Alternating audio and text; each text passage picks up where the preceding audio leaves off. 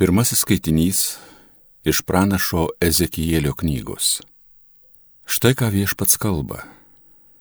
Jūs sakote, viešpaties kelias neteisus. Gerai įsiklausykite, Izraelio namai. Ne jau mano kelias neteisus. Argi nėra jūsų keliai neteisūs? Kai teisų žmogus nusigręžia nuo teisumo, elgesi neteisingai. Jis dėl to mirs. Jis mirs dėl savo neteisingumo. Ir kai nedorėlis nusigręžia nuo savo nedorumo, daro, kas yra teisinga ir teisu, jis išgelbė savo gyvybę. Dėl to, kad susiprato ir nusigrėžė nuo visų nusikaltimų, kuriuos buvo padaręs, tikrai jis bus gyvas, jis nemirs. Tai Dievo žodis.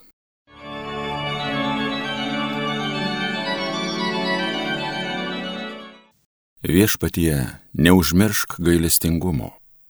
Parodyk viešpatie man savo kelią, mokyk mane takais tavo eiti, vesk savo tiesą, tu mane mokyk, nes esi Dievas gelbėtojas mano. Tavimi visada pasikliauju. Viešpatie, neužmiršk gailestingumo. Viešpatie, neužmiršk gailestingumo ir ištikimosios savo meilės, jie taip seni kaip laikas. Mano jaunystės nuodėmės ir kaltes tu užmirški, savo ištikimą meilę dėl savojo gerumo. Viešpatie, mane atsiminkė. Viešpatie, neužmiršk gailestingumo. Viešpats yra teisus ir geras, todėl jis klystantiems kelią parodo, veda kukliuosius takais teisingais ir moko juos savo kelio. Viešpatie, neužmiršk gailestingumo.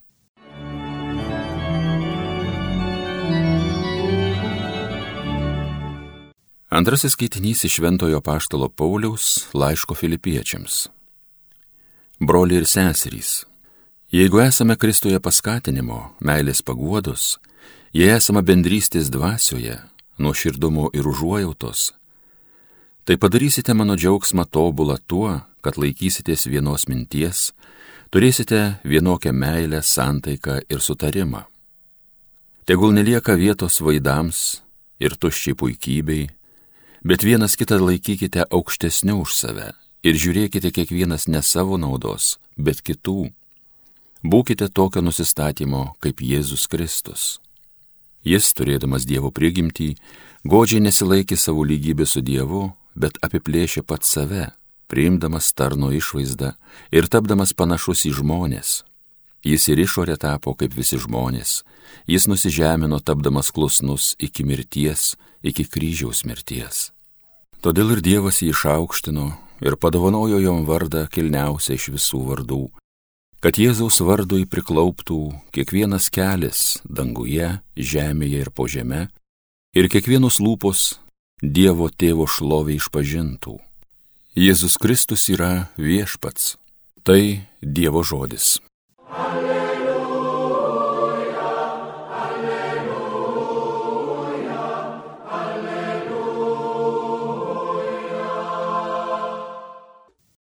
Mano susavys klauso mano balso, sako viešpats, aš jas pažįstu ir jos seka paskui mane. Alleluja,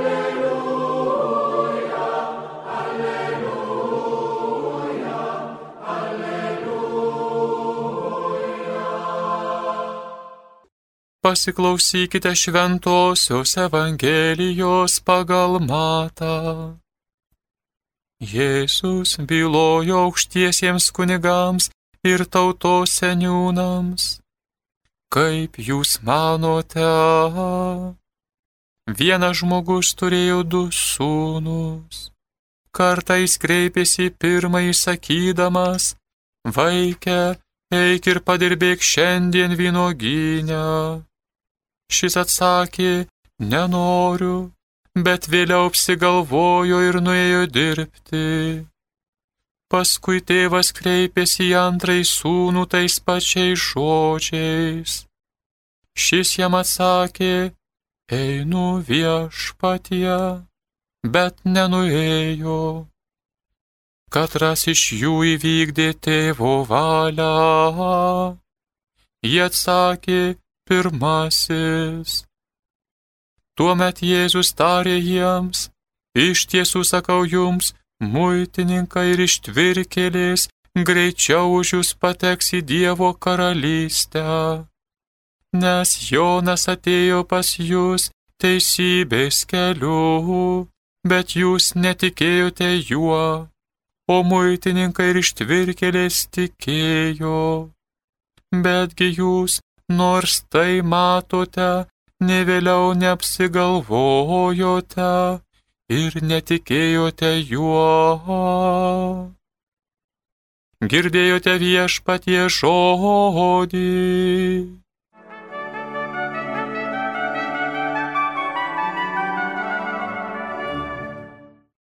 Mėly Marijos radio klausytojai, būkite tokio nusistatymo kaip Jėzus Kristus šiandien mums liepia šventasis apaštalas Paulius. Ne tik liepia, tiesiog visų mūsų maldauja. Ir jis išaiškina, kad Jėzus Kristus, būdamas Dievas, neaukštino savęs, bet nusižemino. Tapdamas kaip visi žmonės, nusižemino net iki kryžiaus mirties. Kodėlgi Jėzus Kristus taip nusižemino, taip kentėjo ir mirė ant kryžiaus? Visi žinome. Dėl to, kad galėtume gauti nuodėmio atleidimą. Taigi jis mus žmonės vertino labiau už save. Jis dėl mūsų tiesiog atsisakė dieviškos savo didybės tai neįtikėtinas dalykas visoje tvarinijos istorijoje. Dievas nusižemino prieš savo tvarinius. Jis apiplėšė savo dievystę dėl mūsų. Ir krikščionybės pagrindinė savybė turi būti nusižeminimas, nuolankumas, savęs paukojimas. Tik tokiu būdu mūsų tikėjimas gali eiti į priekį. Ir mes matome daugybę tokių dalykų bažnyčios istorijoje, tikėjimo istorijoje, visos žmonijos istorijoje. Kai 13 amžiaus pradžioje pietų Prancūzijoje paplyto Katarų klaidatikių sekta, popiežius Inocentas III siuntė cistersus vienuolius, kad klaidatikius ir jų pasiekėjus atverstų, sugražintų į tiesos kelią. Vienuoliai pas Katarus nukeliavo ypatingoje didybėje, be galo iškilmingai pasipuošę. Ir pamokslus Katarams sakė sėdėdami ant žirgų bet katarai tik juokėsi iš jų ir tyčijosi. Be abejo, ne vienas neatsivertė. Net popiežiaus legatą pasiuntinį nužudė. Apsiverkė popiežius Inocentas III ir siuntė tik ką įsteigto Dominikonų vienuolino pamokslininkus griežtai sakė, jokios didybės, jokio didžiavimuose, jokių žirgų. Tiesiog tai uždraudė. Kodėl? Kodėl?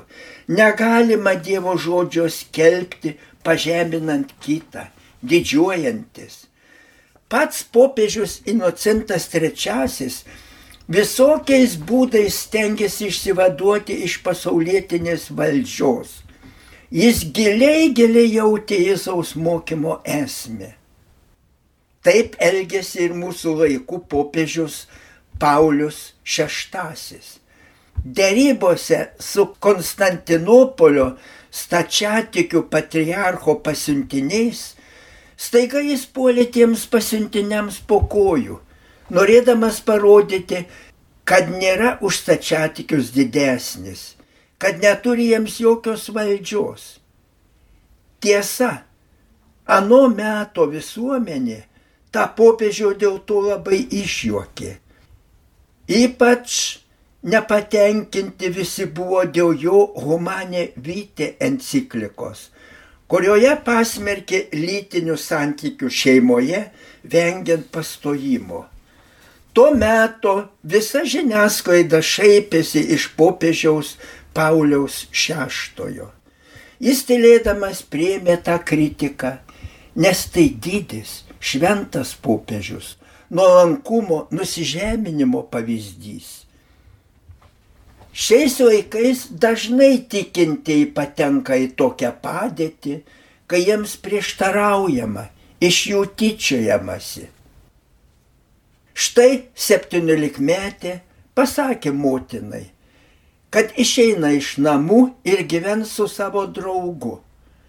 Motina labai susijaudino net verkia, dukrelė, tu gyvensi nuodėmėje. Dukra tik juokėsi iš jos senamadiškos nuomonės. Mama, tu nori, kad aš gyvenčiau kaip viduramžiais Dabar jaunų dauguma taip gyvena. Išbando vienas kitą, ar tinka vienas kitam. Jei tinka, vėliau nusprendžia kurti šeimą. Žinok, mama, mes dabar laisvi, moderniški žmonės. Nepatiks, tada su kitu imsiu gyventi. Motina ėmė tiesiog raudoti. Dukra trenkė durimis ir išėjo raudok neraudojęs, nieko savo ašaromis nepakeisi. Lieka tik malda. Kai žmogus nenori gyvenimo tinkamai sutvarkyti, pats gyvenimas jį nubaudžia. Štai vienas jaunas vyras prašė mano pagalbos. Gyveno susidėję be bažnytinės ir civilinės santokos. Iširo jų draugystė. Jis liko vienas ir labai pergyvena. Norėtų pasimti vaikus. Du jau turėjo. O norėjo pasimti dėl to, kad jo buvusi sugyventinė labai lengva būdė. Pražudis tuos vaikus. Bet jį net per teismą neleidžia jam pasimatyti su vaikais ir neįmanoma įrodyti, kad tai tikrai jo vaikai, nes jie buvo be jokios santokos, be jokio popieriaus, be jokio įrodymo. Ir genetinių tyrimų DNR ji neleidžia daryti savo vaikams. Sakykit, sakykit, ką aš galėjau jam patarti. Lieka tik pasakoti, kad kiti nedarytų tokių klaidų. Nes yra tokių atvejų, kai po tokio sumestinio gyvenimo lieka benamiais. Žvilgterkime į Evangeliją. Ar galvojate, nebuvo skaudu tam tėvui, apie kurį girdėjome Evangelijoje? Jam sunkiai dirbant, abu sūnus jį skaudina. Vienas tiesiai išrėžia, nenoriu dirbti. Kitas ateisiu, bet neteina. Reiškia, ta tėvų ir vaikų problema tiesiog amžina. Būna visais laikais.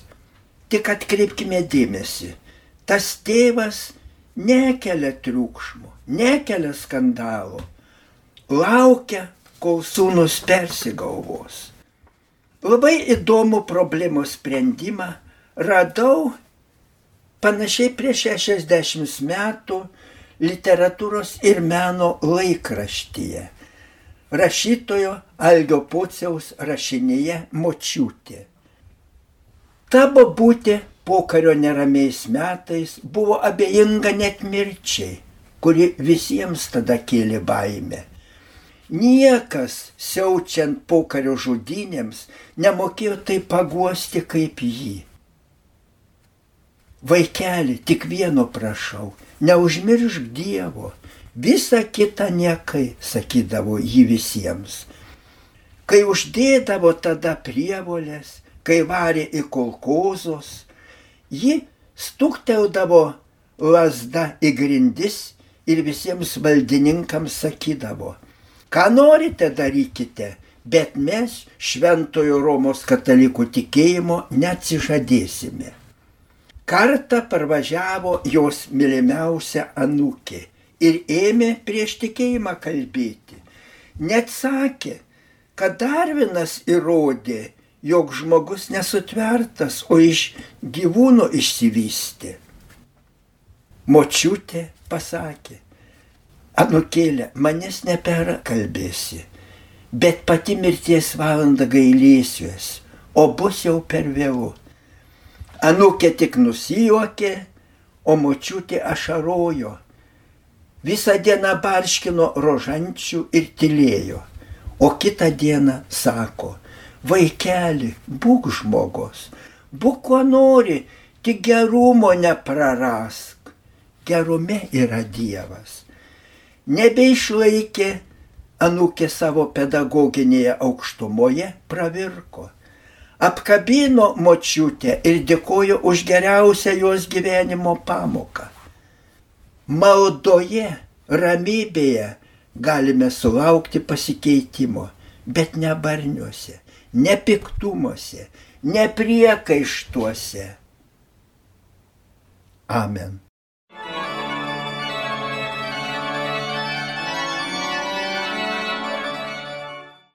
Evangeliją gėdojo kunigas daktaras Vilius Sikorskas. Homilyje sakė Panevežio vyskupas emeritas Jonas Kauneckas.